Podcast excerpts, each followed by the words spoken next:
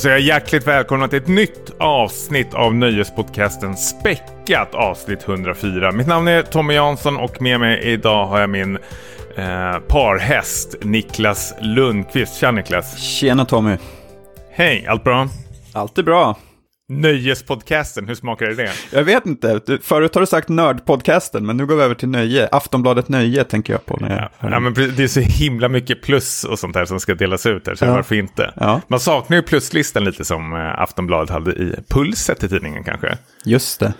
Det var ju veckans höjdpunkt på fredagen när den kom. En rolig grej, jag glömmer aldrig bort, jag tror, jag tror det var Virtanen eller om det var Alex Schulman som hade satt Ös, Ösnöjan på minuslistan. Och han ringer in till Nyhetsmorgon och gråter av sig. Med Alexander Bard i spetsen. Ja, Eh, det, det var bra tider. det var go riktigt goda tider. Ja. Ja, Eh, ja, vad, vad har hänt sen sist? Har du något kul att berätta? faktiskt. Eh, kul och kul. Jag, jag har varit med om en sån där sliding doors-upplevelse. Alltså en upplevelse som jag tror mitt liv skulle kunna liksom se helt annorlunda ut eh, idag om jag liksom inte hade lagt eh, band på mig själv.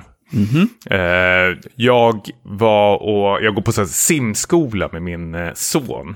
Eh, och redan nu somnade du ut ser jag. Så fort jag börjar prata om min son, du Nej, nej men det, det är säkert Nu- på nu väg någon vart, någon vart här. Vi får höra.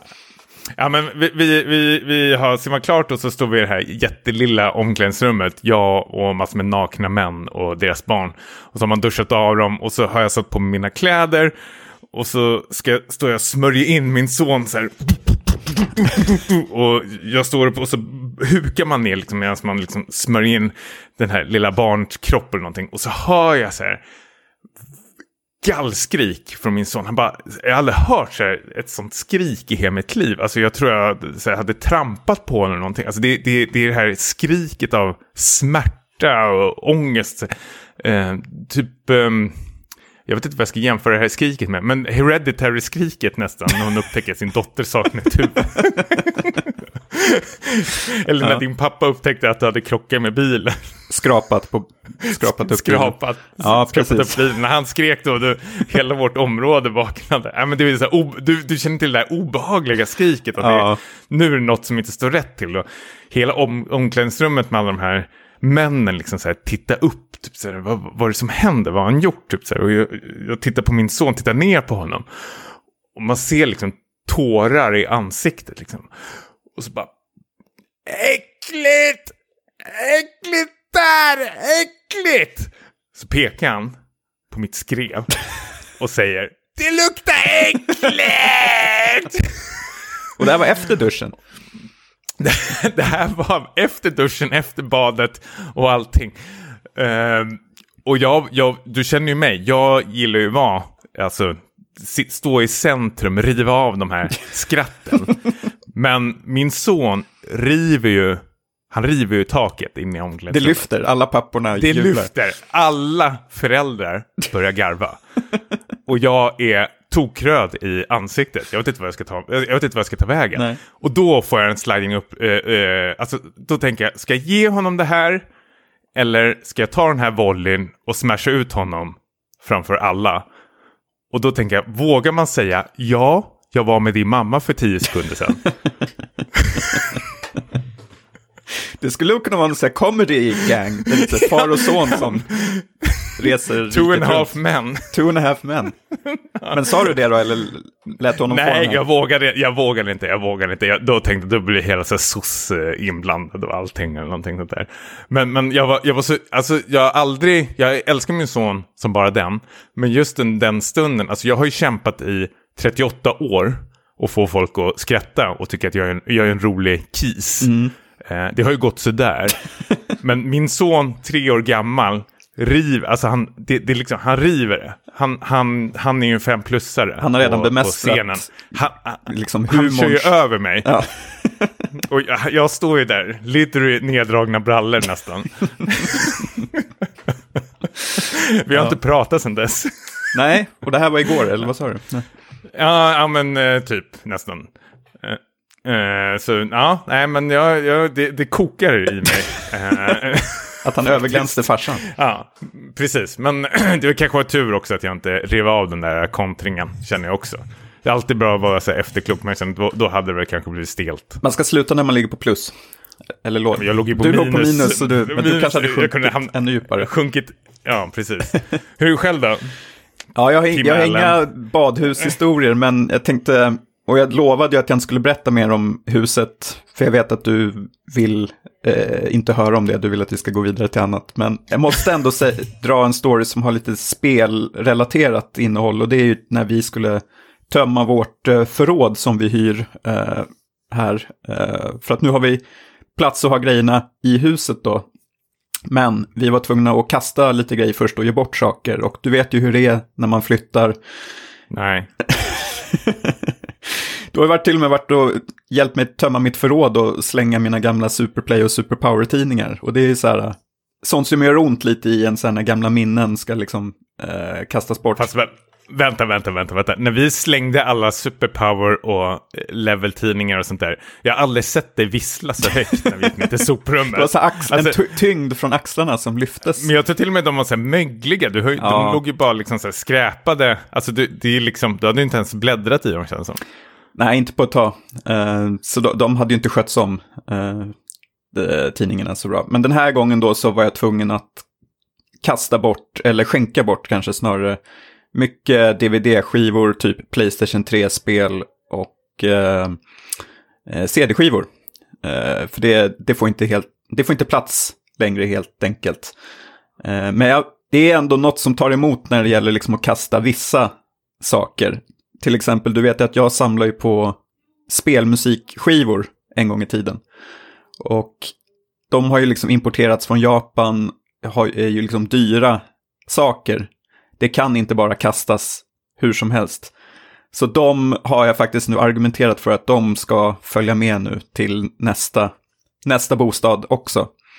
Jag vet ju eh, min kompis eh, Johan Köhn som eh, skriver för spelmusik.net där, han skulle ju liksom ta första bästa tåget upp från Göteborg till Stockholm och skälla ut mig efter noter om jag berättade att jag har kastat alla de här spelmusikskivorna. Ja men de är de, jag fattar själv, det finns ju något värde i att på grund av att du köpte dem, eh, ja men säkert för 800 spänn vissa av de där skivorna. ja, och jag sa Eh. det till min sambo också, att det här kan ju vara värt mycket pengar. De kan ju ha gått upp i värde något så oerhört. Det tror jag absolut inte. Tror du inte? Nej. Nej. Ja. Slut. Men fortsätt du. Slut. Var det slut Det på historien? och det stämde också. Ja, det stämde. Nej, men jag kan väl också bara säga att när, när vi var på eh, soptippen och kastade saker så lyckades jag i sista stund rädda eh, en sån här Super Nintendo-adapter. Kom du ihåg dem där man skulle stoppa i en... Ja, liksom, Honeybee-grejerna. ja, eller man skulle stoppa i liksom ett pärlspel och- och ett... Ja, de hette så. Ja, men precis. Och sen ett sånt här amerikanskt spel då, liksom för att kunna spela importerade eh, Super Mm. Nintendo-spel. Den ha, hade kommit på vift och var på väg att kastas, men den räddade jag i sista sekunden. Och så satt Super Mario World-kassetten i där också. Så den, den har jag också räddat, men jag vet ju inte eh, liksom vad jag ska ha dem till. Men Alltså värdet i dem är ju noll typ. Jag sålde ju min alldeles nyss, både Super Mario World och eh, de där eh, kassettgrejerna, fan nu, ja, Och jag tror jag fick så här 120 spänn för båda. Eller, styck kanske. säg inte det till min sambo. Jag, jag tror att hon, hon hoppas på att vi ska casha in på detta. Casha in. Att det är pension, pensionen, Pensionen är räddad. I dina sparfiler när du kommer till andra världen. Fastnat redan. Ja, precis. Lagt det på hyllan. Ja. Men för, förlåt, alltså, vad, vad tror du det mest värdefullaste soundtracket du äger? För, är, det, är det Final Fantasy 6 eh, Piano Collection eller är det Chrono Cross? Det känns som att du har läst min, min dagbok här, för det är väl typ de. Nej, men jag tror faktiskt Det är inte... väl bara de är- du är. Nej, jag äger jättemånga, men problemet är att de här Chrono Cross, de har ju kommit liksom i... De tog slutet av, men sen har de kommit i nyutgåvor. Och Mm. jag tror att det är nyutgåvorna jag äger, tyvärr. Nej, men jag har faktiskt inget bra svar på den. Eh, Alltså jag brukar alltid kolla på mina skivor, brukar alltid gå in på Discogs Mm. eh, hemsida för att kolla vad eh, mina vinylskivor ligger på. Men då finns det CD-skivor eh, där också. Och där kan man alltid kolla Eh, nu knappast det, fan det är det fan otrevligaste man vet när man håller på och... Ja, men eh. Star Ocean 2 kanske. Kan det vara värd Ska jag kolla det? Ja. Ja, får höra då. Hur många hundra, eller är det tusenlappar? Snackar vi tusenlappar, Tommy? Vad, vad köpte du för det? Ja, med importen och så, det måste väl ha kostat en 500 i alla fall, tror jag. Ja, du har gått i minus kan jag säga. Jag tror median eh, säljningen ligger väl på runt 350 kronor. Fan, jag ska sälja Alltså, jag- något innan det sjunker ännu mer. är det Sakuraba som har gjort eh, soundtracket? Motoi Sakuraba, en av mina heter stora ja. favoriter. Eh, är det? Ja, ja, han är topp fem i alla fall, tror jag. Du kan väl bara nämna fem stycken kompositörer tror jag.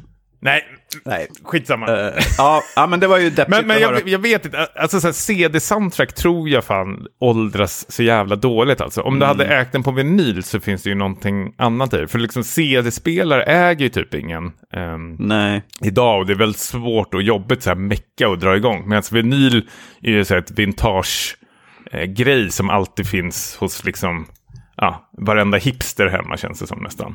jag tror att när jag började samla på CD-skivor, det var ju så länge sedan så att då var liksom vinyl var så otrendigt då. Nu är ju det supertrendigt igen, men jag tror inte ens att uh, spelmusik-soundtrack gavs ut på vinyl då. Eh, men nu, nu gör det säkert det. Men, men jag orkar inte börja Jo, sam- men det- samla igen. Nej, det finns massor med sin Men ja, fan. Det, men, ah, jag vet Jag tycker det är så jävla konstigt att man samlade på eh, soundtrack till vissa spel. Jag tänker på särskilt det Star Ocean som du hade. Jag ser i snitt så varje låt typ så en och en halv minut. För liksom i spelet loopas de ju bara. Men det fick man ju aldrig göra på liksom, CD-skivan. Utan då fick man ju bara höra slingan liksom, tills den bytte till nästa spår. Ja, exakt. Ja, men det är lite konstigt faktiskt. Eh, men ska vi lite osökt komma in på en, en av våra nyheter? Så en Ja, nyhet. Apropå liksom nu med gamla konsoler nu när man köper nytt. Jag har ju köpt en Playstation 5. Eh, äntligen då. Ehm, så dök de upp, du tipsade mig och jag eh, hoppade in och eh, la vantarna på en. Eh, du sa då direkt så här, nu kan du sälja din PS4. Och då vet jag, kan, ska man göra det? Kan inte den också vara värd mycket pengar längre fram?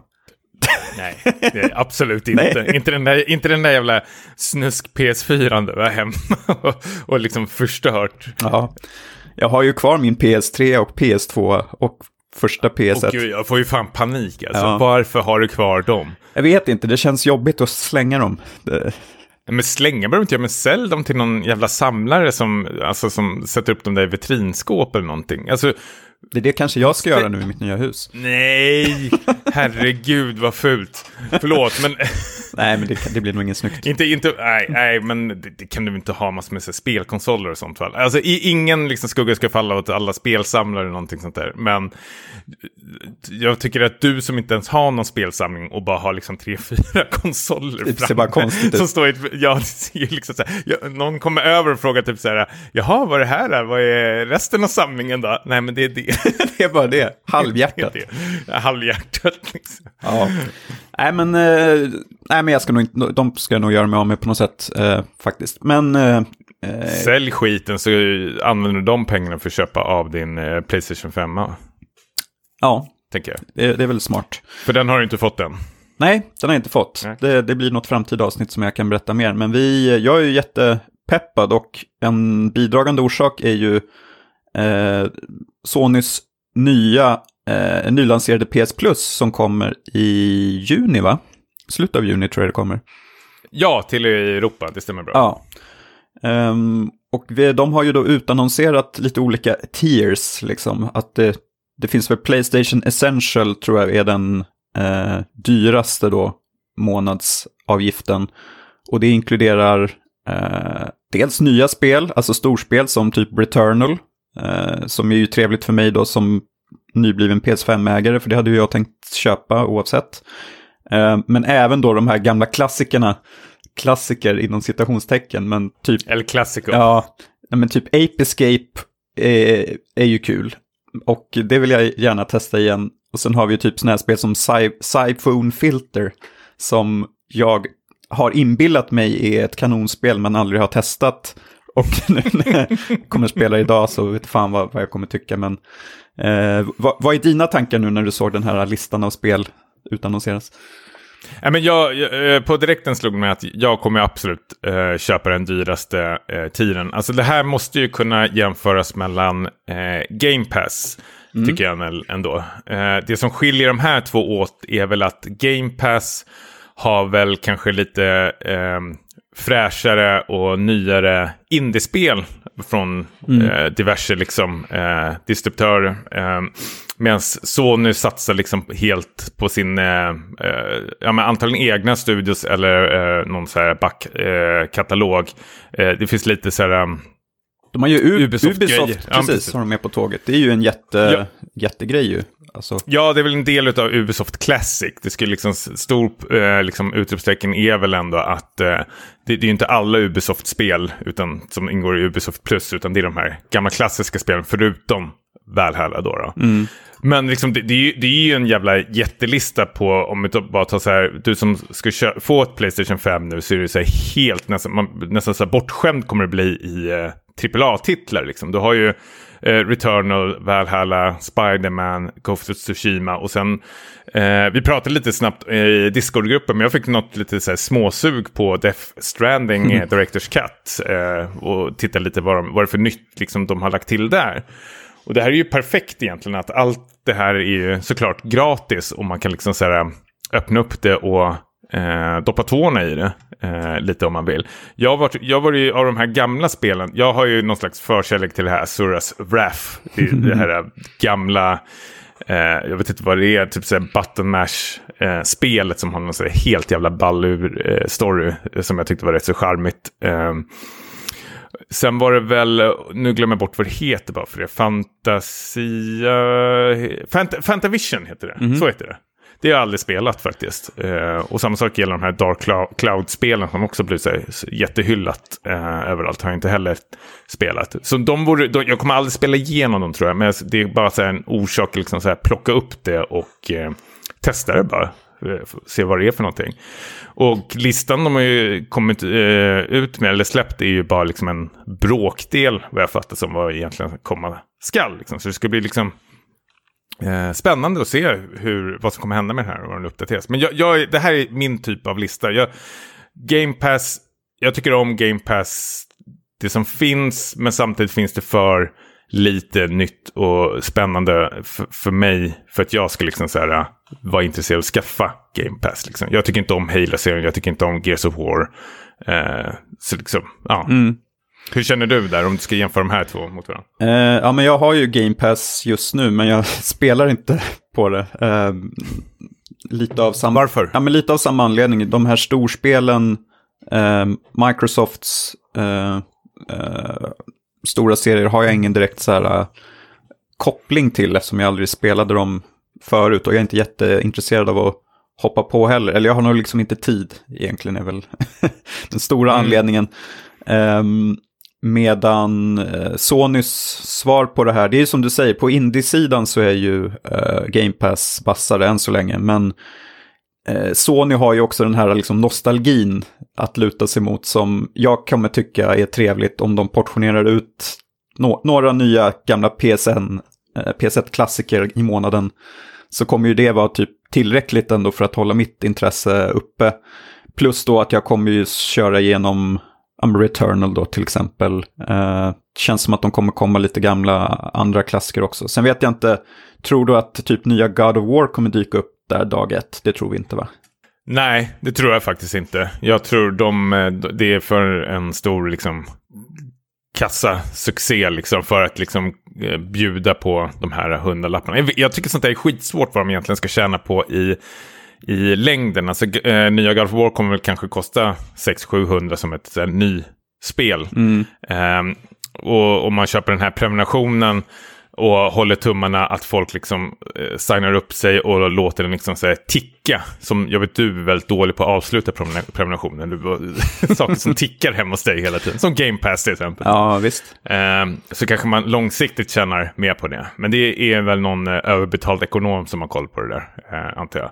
Men jag, jag, tror nog de gör rätt i, i ett sånt stort spel och sån stor hype som eh, God of War is nu. Så gör man nog, alltså ekonomiskt sett, eh, så tjänar man nog mer på att släppa det enskilt faktiskt till en början. Och sen efter ett, ett år när liksom försäljningarna börjar liksom gå ner så släpper man det på eh, det här Playstation Plus-grejen för att få upp försäljningarna där kanske. För att ta den här ba- barskrapet av spelare som, Som har väntat. Eh, snåljåparna. Ja, men precis. Ja, men det, det låter väl vettigt. Eh, helt enkelt. Så vi är peppade på det här. Vi kommer ju skaffa det här båda två känns det som i... Ja men absolut, jag, jag, jag går nog all in och köper nog liksom eh, hela Tutti Balutti Mm. eh. Loco Rocco är jag jättesugen på att plocka upp igen. eh, och, och småspela lite. Men så här, små charmiga spel, alltså som man inte kommer liksom spela igenom men samtidigt så här, plocka upp lite för att känna och klämma lite på. Sen har ju du skitmycket spel att ta igen känns det som. Det ska bli kul att höra vad du tycker om Returnalsen i framtiden. Mm.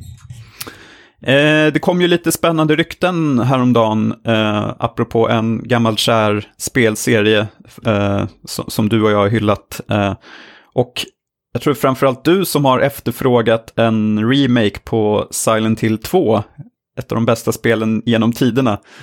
Och nu verkar det ju som att det är på gång, även fast det är bara rykten än så länge, men vi kan ju kommentera det ändå, för det är ju lite spännande eh, vad vi tycker också om utvecklaren som då tippas ligga bakom det här, det är ju då Bloober Team som har gjort eh, en hel del skräckspel. Eh, vi körde igenom Layers of Fear, eh, som jag personligen tyckte var ganska tröttsamt. Eh, mest massa jump scares eh, på rad. Men däremot så gillade jag ju eh, Observer som var deras eh, cyberpunk-detektivspel. Eh, som jag tyckte var väldigt lyckat. Men i övrigt så har jag inte varit så jättesugen på att spela deras första persons skräckspel. För de har sett ganska mediokra ut. Eh, så vad känner du? Eh, Bloober Team, är de rätt studio att förvalta Silent Hill 2-arvet? Ja, nu liksom eh, skjuter jag mig själv lite i foten här. För jag vet ju redan i förra avsnittet så sa jag att man inte skulle liksom kritisera företaget. Liksom. Det, det, företaget är ju inte en eh, kreativ person. Utan man måste ju tänka att det är hundra eh, tusentals tänkte jag säga. Men hundratals människor eh, bakom den här studion. Eh, och jag har jättedålig koll på Bluebird Team och det för folk som jobbar där och vad folk har gjort liksom. Eh, alltså jag tyckte väldigt mycket om Blair Witch-spelet. Alltså det, det är långt ifrån ett 5 plus-spel. Men det var liksom en eh, positiv eh, överraskning. Det var inte alls vad jag hade förväntat mig att det skulle vara. Jag rekommenderar det verkligen eh, om man vill ha ett eh, unikt eh, skräckspel faktiskt. Eh, utan att höja Eh, förväntningar allt för mycket. Men däremot det som de här spel, om, om, vi, ska gå, om vi ska gå igenom liksom Bloober Teams liksom backkatalog, eh, precis som du säger, Layfair, Observer och Blair Witch och The Medium, som jag kan komma på just nu på rak arm, så är väl jag, eh, man, man är ju inte så här kanske så här superimponerad, eh, och de känns ju väldigt så här, eh, avskalade nästan eh, många av spelen liksom, i det att liksom, de, de är väl inte så superunika i, alltså de, vad fan ska jag säga, de bryter väl ingen eh, ny mark eller någonting. Alltså jag tänker det Kojima gjorde med PT och liksom ens förväntningar inför det Silent Hills-spelet eh, var ju, satte sig på en helt ny nivå. Eh, så jag vet inte alls vad jag, jag, vet, jag, vet, inte alls hur jag känner kring det här. Jag vill ha en Silent Hill 2 remake, men samtidigt eh, blir jag lite orolig över CVt de har. Mm. Jag tänker att det, det som skulle kunna vara intressant med Silent Hill 2 remake är ju om de går över till första persons perspektivet. Mm. Eh, som ju är det som Bloober Team har liksom ägnat sig åt. Så att det känns inte helt otänkbart att det är det det blir. Eh, ja, men med tanke på hur bra det funkade för Resident Evil-serien att eh, liksom gå över från tredje person till första person i sjuan så eh, om man ska få liksom en ny bild av Silent Hill 2 så kanske det är från första person som det måste vara. För jag, jag tror att eh, blir det inte ganska svårt att göra någonting nytt av eh, Silent Hill 2s, eh, vad man nu säger, tredje person det, det känns som Jo. att i så fall blir det bara ett liksom mycket snyggare grafik och jag vet inte om det behövs. Ja men precis, om man ska göra, om man ska göra ett nytt Silent eller om man ska göra en remake Silent Hill. Jag håller med dig, det, det vore ju tusen, eh, tusen, eh, mycket mer intressantare att se en första person eh, tolkning på det här spelet. Eh, men men alltså, du, du jämför med Resident Evil och sånt där, den vägen de gjorde, alltså Resident Evil 7 och är ju så otroligt eh, lyxiga produktioner. Alltså mm. det, det, man märker ju att det är ett, eh, det, det är ju liksom ett S-klass-team som eh, stå, sitter bakom det här Capcom-teamet. Eh, eh, som har ju haft en så här otroligt hög eh, budget. Och jag har faktiskt ingen, alltså det, det, går ju, alltså när du ska ta ett sånt här spel så vill man liksom slå på en stor, det är ju det är liksom en stor, vad ska man säga, en, um, ett stort IP. Mm. Uh, och då vill man väl att det ska bli någon slags, uh, alltså, jag tänker bara, nu tänker jag bara högt, uh, men att det ska bli någon slags superstor påkostad produktion. Och det behöver inte alltid bli, absolut inte. Men Bluebird Team är ju liksom en liten studio ifrån Polen som arbetar med väldigt små medel hela tiden. Mm. Och har säkert inte så här jättestor budget om man jämför med de andra studierna. Och det behöver inte betyda att det blir sämre, men det kan betyda att man börjar tumma på kvaliteten eh, på vissa saker. Mm. Eh, jag, alltså till exempel om de ska musiksätta det här eh, spelet, kommer de ta in eh, Akira? Eh, nu glömmer jag bort Yamaoka. Ja, precis. En av mina eh, fem toppkompositörer. han, han är rätt så överskattad ändå. det är väl. ja, jag vet inte, kanske. Uh, ja. Mm. Silent Hill 2-soundtracket är 5 plus i alla fall. Mm, uh, Så det ska bli, äh, men så här, Det var inte vad jag hade hoppats på. Uh, det vore ju cool, tusen gånger coolare om Kojima Production hade kommit ut med mm. det här. Mm. Ja, um, faktiskt. Men uh, jag håller tummarna samtidigt att Bluebird Team får det här och bevisa eh, ja, men, eh, överbevisa oss att vi, vi har fel och bryta ner våra fördomar. Alltså, sånt här för mig liksom, så här, tanken tillbaka till en helt annan sak. Men det var väl liksom samma grej när, liksom, när Heath Ledger liksom, varit utannonserad som Jokern och folk liksom varit så helt tokiga. Jag, liksom, jag har sett liksom nä nästan samma typ av reaktion på Twitter och sociala medier. Att folk liksom spyr nästan på direkten utan att liksom veta någonting över det här alls. Så jag tror man ska sitta samtidigt väldigt lugnt i båten och låta dem, ge dem en chans om nu Bluebird Team kommer få det här.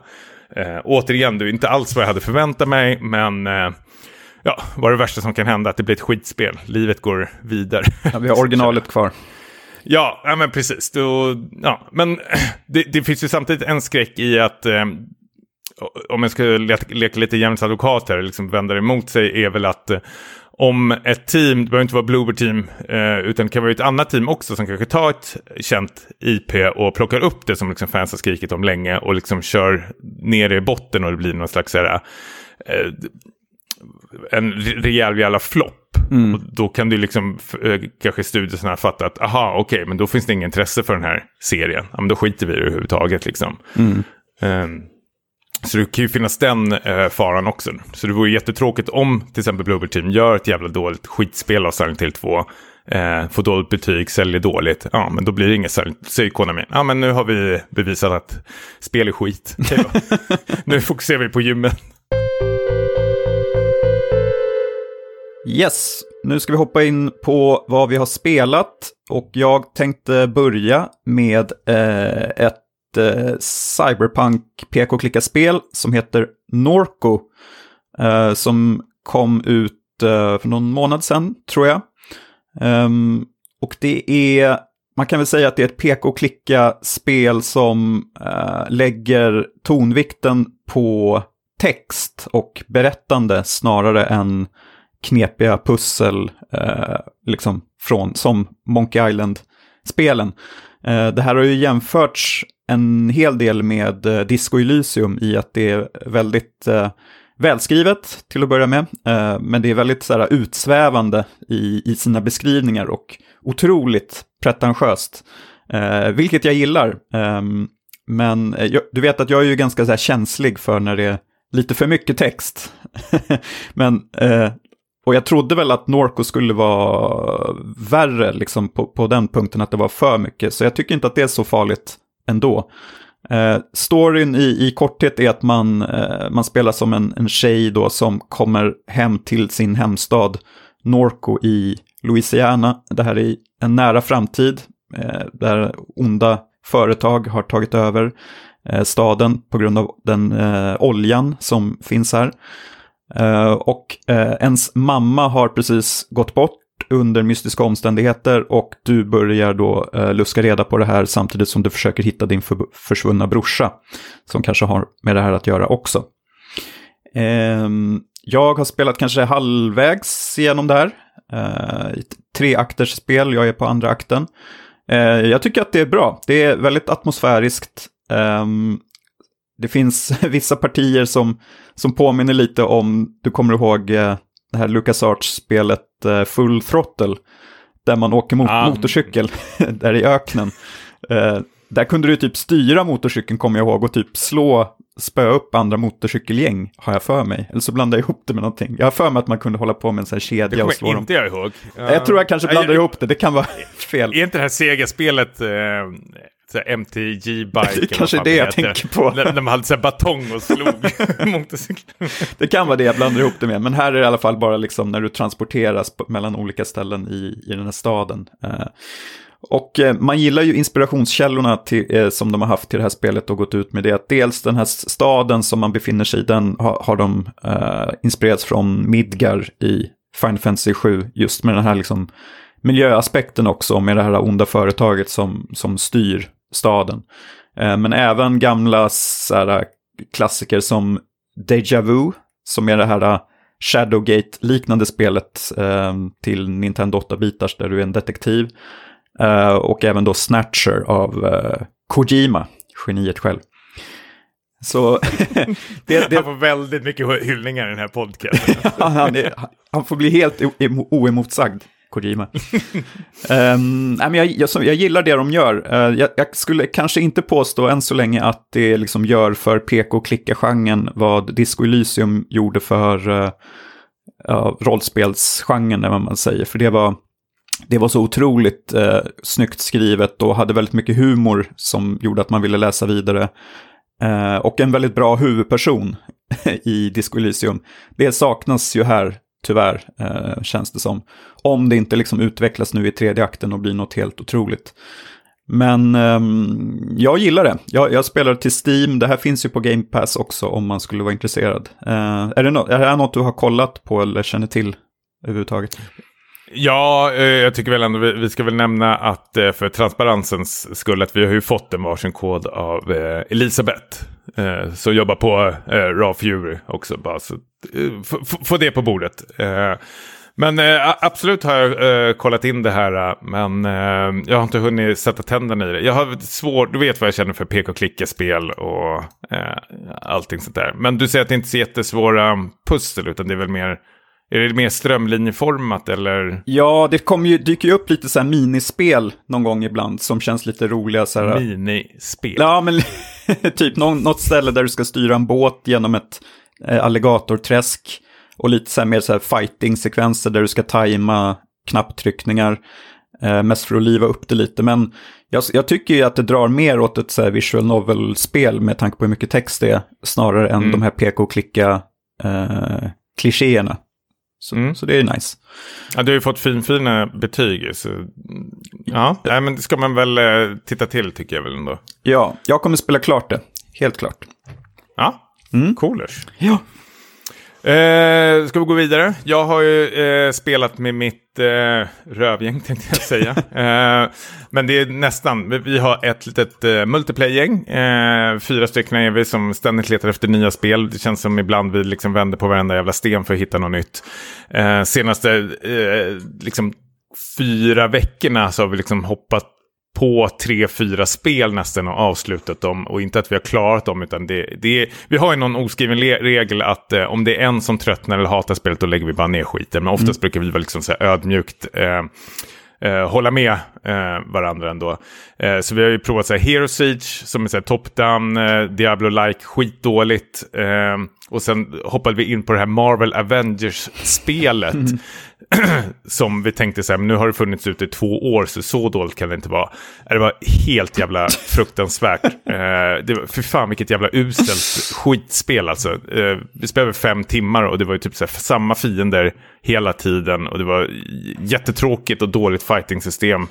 Uh, vi tycker ändå om lite så här loot-spel och kan liksom, och så, så fort det finns lite loot så kan vi liksom ja, liksom hålla oss ändå. Men det, det, det är jävla krångligt så här, menysystem och hur man väljer uppdrag. De snackar om att man verkligen så här, krånglat till det för sig själva i det där spelet. Så jag kan nästan tyvärr förstå varför det inte har gått så bra, varför folk är eh, besvikna över det. Eh, det, det. det, kan jag faktiskt ta rygg på. Mm.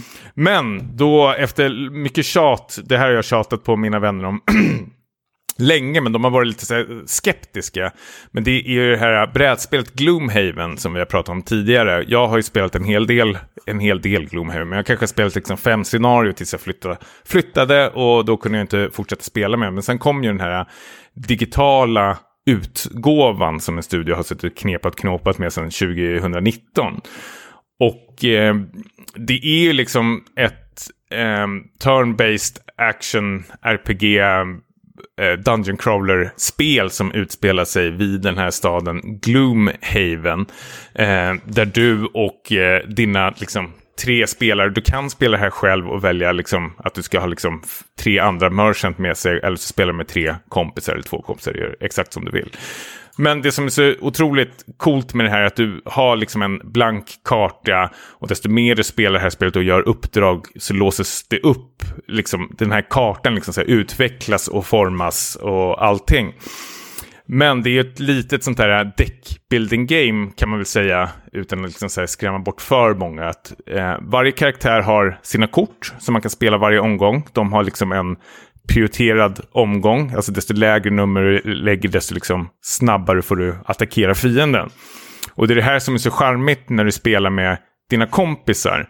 Är att liksom man sitter och pratar så här, taktik med varandra under varje omgång. Vad man tänker göra, vad det är för kort man typ tänker lägga.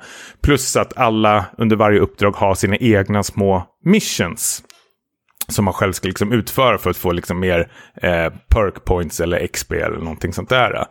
Och det vi kom fram till, alla var ju skeptiska till en början, men vi är helt sålda på det här spelet hela bunten. Vi har till och med köpt den här expansionen som kom nu i dagarna, eh, Jaws of the Lion tror jag den hette. Eh, och det är liksom, nu är det lite Sverige kyrkan här, men sitter, sitter den ner eller? Ja. det var en som sa, och jag håller nästan med, det här är bättre än XCOM 2. Nej! Grejen är att det vi kom fram till, för vi satt och diskuterade det här, är att det känns mer balanserat än XCOM 2. Och det är det som gör det så otroligt kul.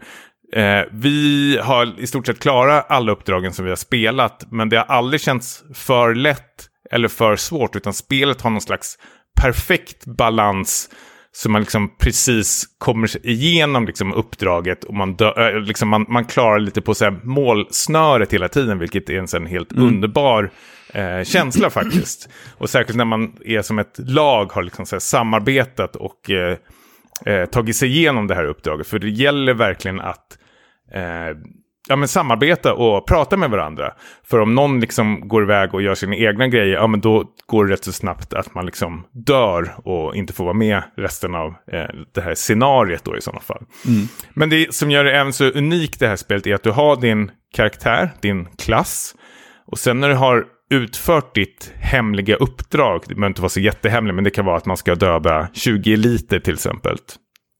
Då får du pensionera din gubbe. Och så låser du upp en ny klass. Eh, eller en ny side story eller någonting sånt där på grund av att du har pensionerat en gubbe.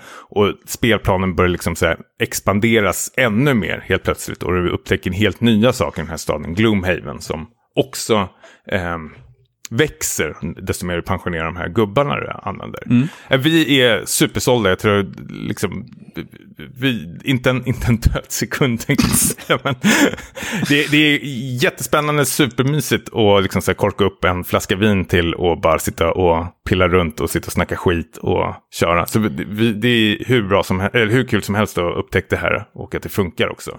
Men eh, hur långt tid tar ett, om vi säger ett scenario eller ett uppdrag då? Är det något ni river av på en kväll eller kan, behöver ni sluta mitt i ibland och fortsätta? Det har, det har hänt fåtal gånger att vi har slutat mitt i ett scenario. Och det är inte hela världen, utan det, det sparas ju av sig själv den omgången man är på. Mm. Men vi skulle nog säga att ett scenario tar en kväll. Alltså det tar mellan två timmar, mm. eh, en till två timmar att klara. Och det har vi inget emot eh, faktiskt. Och jag tror med expansionen nu så är det väl, han räknar med i alla fall 120 scenarion finns det. Eh, och många av dem kan man liksom spela om för att liksom hitta skatter eller levela upp sina karaktärer och sånt där. Så det finns ju mycket att göra med sina gubbar och utforskande i det här spelet. Det som är så kul också är att du har något som heter road events i det här. Alltså att man utgår ju från staden Gloomhaven hela tiden. Och sen när man ska ta sig till ett uppdrag då blir det liksom som en random battle encounter. Att du får ett, alltså någonting händer på vägen. Det kan ju alltid från att din, dina karaktärer blir hungriga. Och så får du ett sånt där valmöjlighet om du ska äta de här blåbären eller inte. Mm. Men då har vi ju Discord-kanalen istället för att vi sitter och argumenterar vad man ska eh, välja. Så tyst röstar vi i Discord-kanalen och så blir det någon slags demokratisk eh, röstning utav det hela. Mm. Eh, sen får man ju jättemycket skit för om man har liksom valt fel. För det kan ju vara alltid ifrån att man blir liksom poison till nästa uppdrag eller förlorar pengar eller någonting sånt där. Men det är väldigt, väldigt kul ändå. För de här um, valen är inte så supertydliga alltid liksom vad man ska välja. Men eh, nu är jag lite fördomsfull här, för jag, jag vet ju vilka de här snubbarna är som du spelar med. Jag känner det, är, det är tre tjejer. Nej, det är det inte. Nej. Jag känner de här killarna. Eh, de, de, Riktigt rövgäng. De, ja, ja. Det var inte jag som sa det.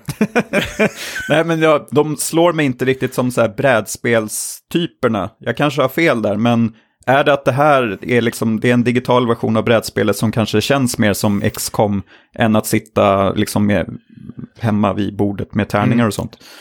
Alltså frågan jag har fått när de eh, satt och spelade här med mig är ju liksom hur orkade du spela det här som liksom fysisk utgåva? Det, det fattar vi inte. För jag, jag köpte ju Gloomhaven-spel genom fem uppdrag. Mm. Och de ser ju redan paniken i det. Att man, du vet, man ska ta upp alla gubbar och plattformar. De har ju till och med googlat nu efteråt när vi spelar här hur liksom den fysiska utgåvan ser ut. Mm. Och får ju panik av det. Men jag, jag, tror samtidigt att de har upptäckt någonting som de inte kanske visste att de... Eh, tyckte var så kul. Mm. Men det, det, som är så, jag tror de fördomarna mot själva brädspel var väl att de, de trodde väl till en början att man bara skulle sitta tyst och vänta på sin omgång. Mm. Men alla har ju sin omgång samtidigt. Och det hjälper liksom, det, det, man måste prata, kommunicera med varandra och berätta om sina drag. För om jag ställer mig på en ruta eh, och ska göra en attack där så kanske jag blockerar dig för att du ska göra din attack och då är en, hel, då är en runda helt bortkastad för dig. Mm. Och om man, alla gubbar har x antal runder på sig och om man inte utnyttjar de här, eller om man, om man utnyttjar alla, då blir den här gubben exhausted och dör. Så man kan ju inte, eh, man kan inte ta sin tid hela tiden och hålla på liksom vänta in eller någonting. Utan allting måste gå ändå väldigt med, så snabbt. Man måste ta sig fram hela tiden så inte gubbarna blir exhauster. Mm, mm. Eh, så ja. Det låter som ni kommer att fortsätta till slutet. Ja, absolut. Vi är helt eh, sålda på det. Det är så kul att alla fyra är verkligen känna av, känner att det här är ett fem, fem plus-spel. Mm. Jag, jag, jag, jag, har suttit och tänkt lite på dig här, för att du gillar ju XCOM. Mm. Och du gillar det här strategiska och allting. Hur Nej, jag ser nu på direkten att du, du orkar inte med det här. jag orkar inte ta den diskussionen. Nej. Men är du inte lite sugen på alltså att det, liksom sitta, det sitta och pilla? Det låter ju spännande, uh, alltså när du pratar om det. Um, mm. Sen är det ju en, en uh, vad säger man? Uh, ett, å, ett åtagande, ja, en investering av tid att sitta med det här flera kvällar i veckan. som jag inte riktigt har den tiden. Men jag tänker om du sitter själv med det och sitter och spelar det själv. Du kan ju välja fler mercenaries och eh, ja, men precis som du gör med XCOM, att du har ditt team liksom, så kan du styra Aha. dem själv och allting.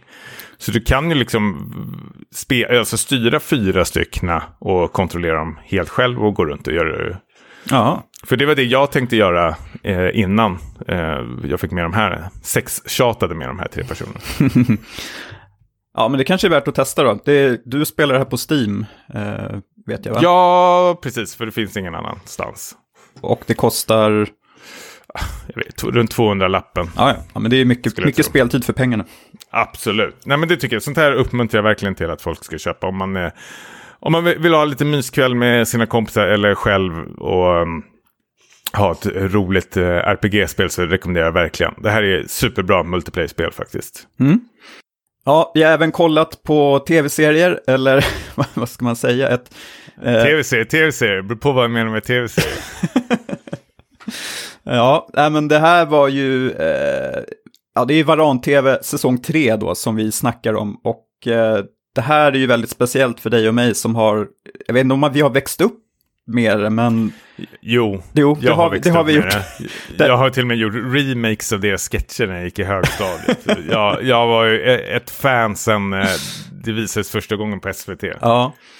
Jag tror jag kom in i säsong 2 där, säsong 1 är väl lite smalare, men hur som helst. ehm, Eh, vi behöver inte dra storyn mer än att det kickstartades ju att de skulle få göra en säsong 3 och sen klev SVT in i bilden igen och eh, så fick de lite mer muskler och fick nu göra sex stycken avsnitt eh, av eh, serien. Och jag tyckte ju att det var liksom upplagt för besvikelse här. för att det är inte alltid som det funkar något bra när liksom ett ga- gammalt gäng liksom ska, ska fortsätta så här typ 10, 15, 20 år senare liksom och se om det här flyger fortfarande och så börjar man inse kanske att de gamla säsongerna inte håller längre och så blir det bara liksom pannkaka av allting. Jag tänker på typ Arrested Development säsong 4 när de kom tillbaka på Netflix. Det var ju pissdåligt. Eh, Men jag är chockad över hur bra Uselt. Ja. hur bra säsong 3 är. Eh, jag tycker att jag skulle närmast vilja jämföra den med säsong 3 av Twin Peaks. När de leker med publikens förväntningar och med vår nostalgi. När det gäller liksom så här, ska vi få åter, återse de här klassiska karaktärerna och de klassiska sketcherna? Och det känns som att Varan-gänget, eller Varan-teatern, de, ehm, de, liksom, de vet vad folk vill ha och ger dem inte riktigt det, men de liksom så här teasar. Det, det kommer den här liksom eh, Bengt, Bengt Johansson, handbollstränaren, liksom så här dyker upp i sista avsnittet och har skaffat en YouTube-kanal och det känns liksom så helt logiskt egentligen. Och Christer Kök dyker upp väldigt snabbt. Och jag vet inte om det är kul kanske direkt att han står där nu och är gråhårig, men det är så här att det, det är ju en del av Varan-universet, eh, liksom, så han är med. Och just det här att de liksom, det känns som att de hoppar vidare till nästa sketch innan en sketch är klar, liksom att man klipper mitt i och det är ett jävla tempo hela tiden. Och ehm, ja, jag, jag, är jag är helt förbluffad över att, eh, att de är så eh, vitala fortfarande, det här gubbgänget som väl närmar sig 50. Eh, liksom. Ja. Ge mig hopp om Nej, men- framtiden.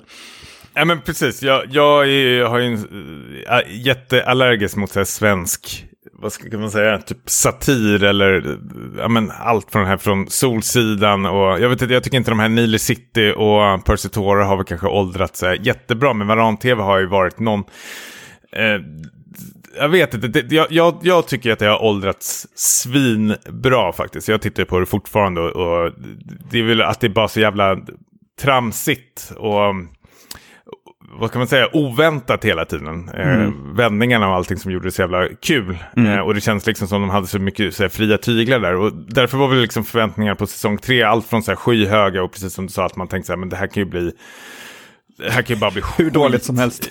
Ja, och jag, jag håller med dig alltid och säger att liksom, det är ju något helt annat. Och det tycker jag ändå är rätt så skönt faktiskt. Ehm, och jag, jag har ju till och med, alltså man, man vet ju att man, när man börjar quota en serie så är det ju någonting som är bra. Jag går ju redan runt på jobbet och säger att ja, men det, här, det här är en riktig jävla braksketch.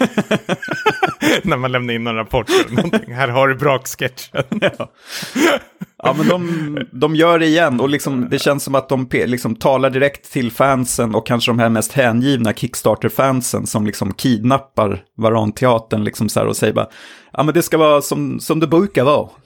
Roligt som det brukar vara på 90-talet. Och de liksom har så här 90-tals försöker jag, men så- musikvideos som kommer in så här korta klipp bara liksom så här för att, ja men det känns så otroligt medvetet allting det de liksom skojar om. Eh, Mm. Men det som är så imponerande är ju att det här det är ett, det är ett rövgäng som liksom har gått vidare förutom kanske David och någon till. Alltså skådespelarkarriärmässigt. Mm. Liksom. Det är allt från lärare till kom kommunalpolitiker, brandman. Alltså de, de lever ju ett vanligt svenssonliv. Men jag tycker de är ju otroligt eh, duktiga framför kameran. Det är inte så jävla lätt att stå framför kameran och hålla på och flamsa och tramsa och liksom leverera. Liksom. Det är ju de och min son som river taket just nu. Mm, ja. jag, jag, blir superimponerad faktiskt på eh, ja, men hur, hur, hur, de, hur de gör det här. Om man jämför liksom med jag vet inte, nu, ja, men Solsidan Grotesk och allting sånt där. Alltså skådespelare som liksom gått teaterutbildningar och allting. Och jag sitter liksom så här himla med ögonen hur jävla uselt eh, och tråkigt det är. Liksom. Hipp hipp och allting. Det är så här, åh gud, jag får panik liksom. Mm. Eh, så kommer de här liksom medelklassmänniskorna från Lund, eller vad fan de kommer ifrån. Och, jag vet inte, jag, jag tycker de har en helt annan liksom så här eh, talang som är väldigt så, sällsynt eh, faktiskt. Och sen är det vissa saker som flyger, vissa inte. Men jag vill ju tro någonstans i bakhuvudet att den här säsongen kommer bli lika kultförklarad som säsong 1 och 2. Man måste ju tänka också att när säsong 1 och 2 kom ut så pratar man ju inte om de två säsongerna som man pratar om dem idag. Liksom. det är ju någonting som ska liksom marineras och mm. se om och allting sånt där. Och jag, jag kommer ju absolut titta om på Varan-TV säsong 3. Um, med... Eh, Samma här. Jag vet inte.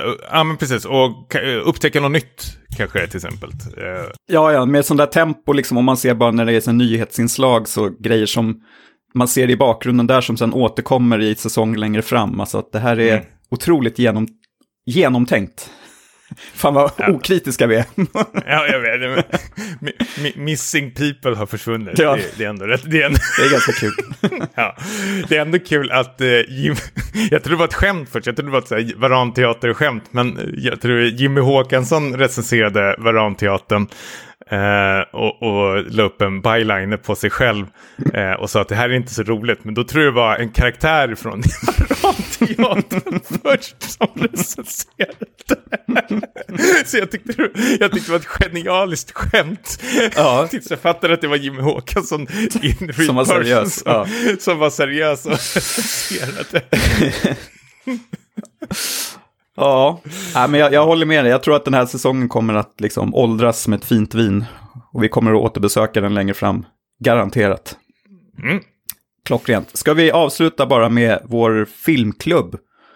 Uh, ja, och, och, vi kanske ska på också till nästa film. Ja, precis. Mm. Um, Men börja, du, det var du som valde film eh, förra gången. Ja, jag. jag får väl ta mitt ansvar här liksom för filmen jag valde. Jag valde filmen Relic som jag då i förra avsnittet beskrev som elevated horror, eh, skräck som är lite finare i kanten. Och eh, vi jämförde den då med Hereditary, eller liksom vi hade läst att den hade jämförts med det. Och eh, nu när jag ser filmen Relic då som handlar om en mamma och dotter som kommer hem till eh, farmor, eller mormor blir det väl då, eh, som börjar bli dement. Och eh, det blir liksom som att mormor blir eh, lite av ett monster när hon då eh, gradvis liksom går in i den här eh, ja, demen demensens mörker. Vi jämförde lite med Hereditary och det är ju inte till den här filmens förtjänst. För um, Hereditary har ju så mycket mera intressanta vändningar och minnesvärda scener och bra skådisar. Uh, det är inte dåliga skådisar här heller, men jag söks aldrig riktigt in i uh, i den här filmen. Den, den kändes ganska väntad, liksom vart den tog vägen. Det blir lite emotionellt på slutet, men eh, då, då har jag liksom checkat ut för länge sedan. Uh, hur kände du när du såg den här? Nej, men nästan exakt samma sak. Alltså, den, den lägger ju upp till något eh, spännande. Jag ger den väl ändå ett plus att den, den vågar ändå ta sin tid. Alltså, det är ju en slow burner. Mm. Eh, thriller, skräck tills de liksom, sista eh, 15-20 minuterna.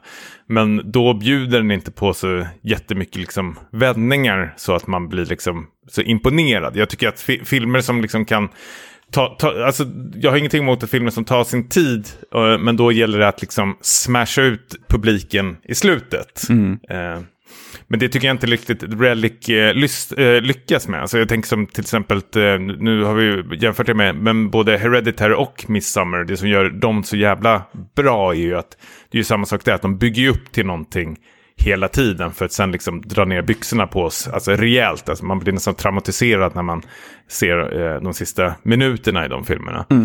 Eh, och det lyckas ju inte Relic alls med, eh, tyvärr faktiskt. Det, den var rätt så... Jag, vet, jag tycker den var tråkig faktiskt. Ja. Det är liksom ingen skugga ska uh, liksom hamna på de här skådespelerskorna som eh, ändå gör ett okej jobb. Det är ingen som är dålig eller någonting. Men det är, jag tror det är kanske mer brist i eh, manuset eh, faktiskt i den här filmen. Ja, eh, ska säga, det är ju en eh, regidebut. Så det är ju imponerande. Eh, nu har jag inte namnet framför mig, vad hon heter. Natalie Erika James. Ah, perfekt. Ehm, och jag tyckte att ljudet var eh, ganska häftigt. Alltså det känns som att de var på något sån här sjunkande skepp eller någonting. Att det knakar i väggarna och, och Mm. hela den biten. Det var snyggt. Eh, så att det är ju en, en bra debut får man väl säga. Men den hade ju fått så otroligt bra eh, fin, fina betyg här på, på sina håll. Så jag hade nog förväntat mig lite mer. eh, tyvärr. Ja. ja, men precis. Det är ju varken någon mysskräckis eller liksom någon skräckskräckis eller någonting. Det är någonting där emellan. Men jag känner ju på direkten att jag, jag kommer ju glömma bort den här filmen om en vecka eller någonting. Jag kommer ju inte ens minnas att jag har eh, sett den tror jag, tyvärr. Nej. Eh, och, och det är ju nästan ett av de sämre betygen man kan få när man är rätt likgiltig när man eh, har sett en film. Verkligen. Eh, tyvärr. Eh, så jag skulle säga faktiskt att eh, skippa den. Ja, jag håller med. Den gjorde inget avtryck. Eh, så vi går vidare till nästa. Till nästa skitfilm vi har valt. Ja. Nej, men eh, får jag bara eh, stanna bandet? Vi ska inte fastna på Relic så mycket, men eh, till, alla lyssnare där ute som kanske inte känner till det, eller er som, ni som känner till det också, är väl att vi i vår Discord-grupp som finns, man kan, det finns länkar på Twitter och i podcastappen och allting sådär. Ni, ni är smarta ni hittar. Men då har vi en litet, litet segment där, eller en liten hörna som heter Filmklubben. Och eh, där liksom stöter och blöter vi tänkte vi fram en eh, ny film som vi ska... Stöter och blöter, vad fan säger jag för någonting? Men vi väljer ut en film som vi ska eh, prata gemensamt om till kommande avsnitt. Mm. Och hur det här ska liksom gå till i framtiden. För just nu har ju du och jag någon tumregel att du och jag får inte ha sett den här filmen. Eh, det ska ju vara en ny film för oss båda. Sen hur gammal filmen är eller någonting, det är skitsamma.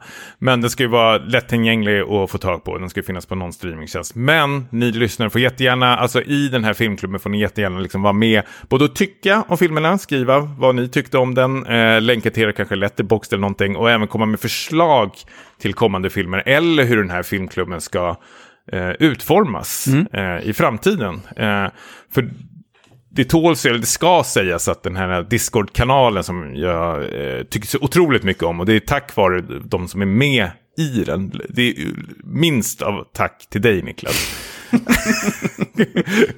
Jag har inte bidragit med så mycket. Nej, nej, nej, nej, nej. nej men du, du bidrar med dina Tim Allen-historier. Missförstånd. Som, som missförstår till och med. nej, men det är ju att skit i den här jävla podcasten, utan det är väl själva att Discord-gruppen, vare sig lyssnar på podcasten eller inte, så ska man ändå eh, vara välkommen där och liksom eh, kunna prata om det man vill eh, prata om. Och kom gärna med förslag om eh, kanske nya rum som ska öppnas eller någonting, eller hur det här ska utformas, eller förväntningar. Alltså, lyssnarna eller de som är i den här Discord-gruppen ska ju få vara med och påverka den och forma den tycker vi ändå. Mm. Eh, har ju varit tanken. Och det här kommer vi tjata om eh, i varje avsnitt faktiskt. Men det är ju tack vare lyssnarna och de som att den finns. Så då tycker jag inte det är mer än all rätt att man får vara med och påverka också. Mm. Så det är bara att komma med ris och ros och åsikter och tankar faktiskt. Eh, mer än välkommet. Yes, och vi har ju Eh. en film till nästa avsnitt. Mm. Eh, Presentera. Den heter Cam, C-A-M, eh, och finns på Netflix. Det verkar ju vara någon lite skruvad skräckthriller, återigen. Ja. Så den kommer vi se till nästa avsnitt. Precis.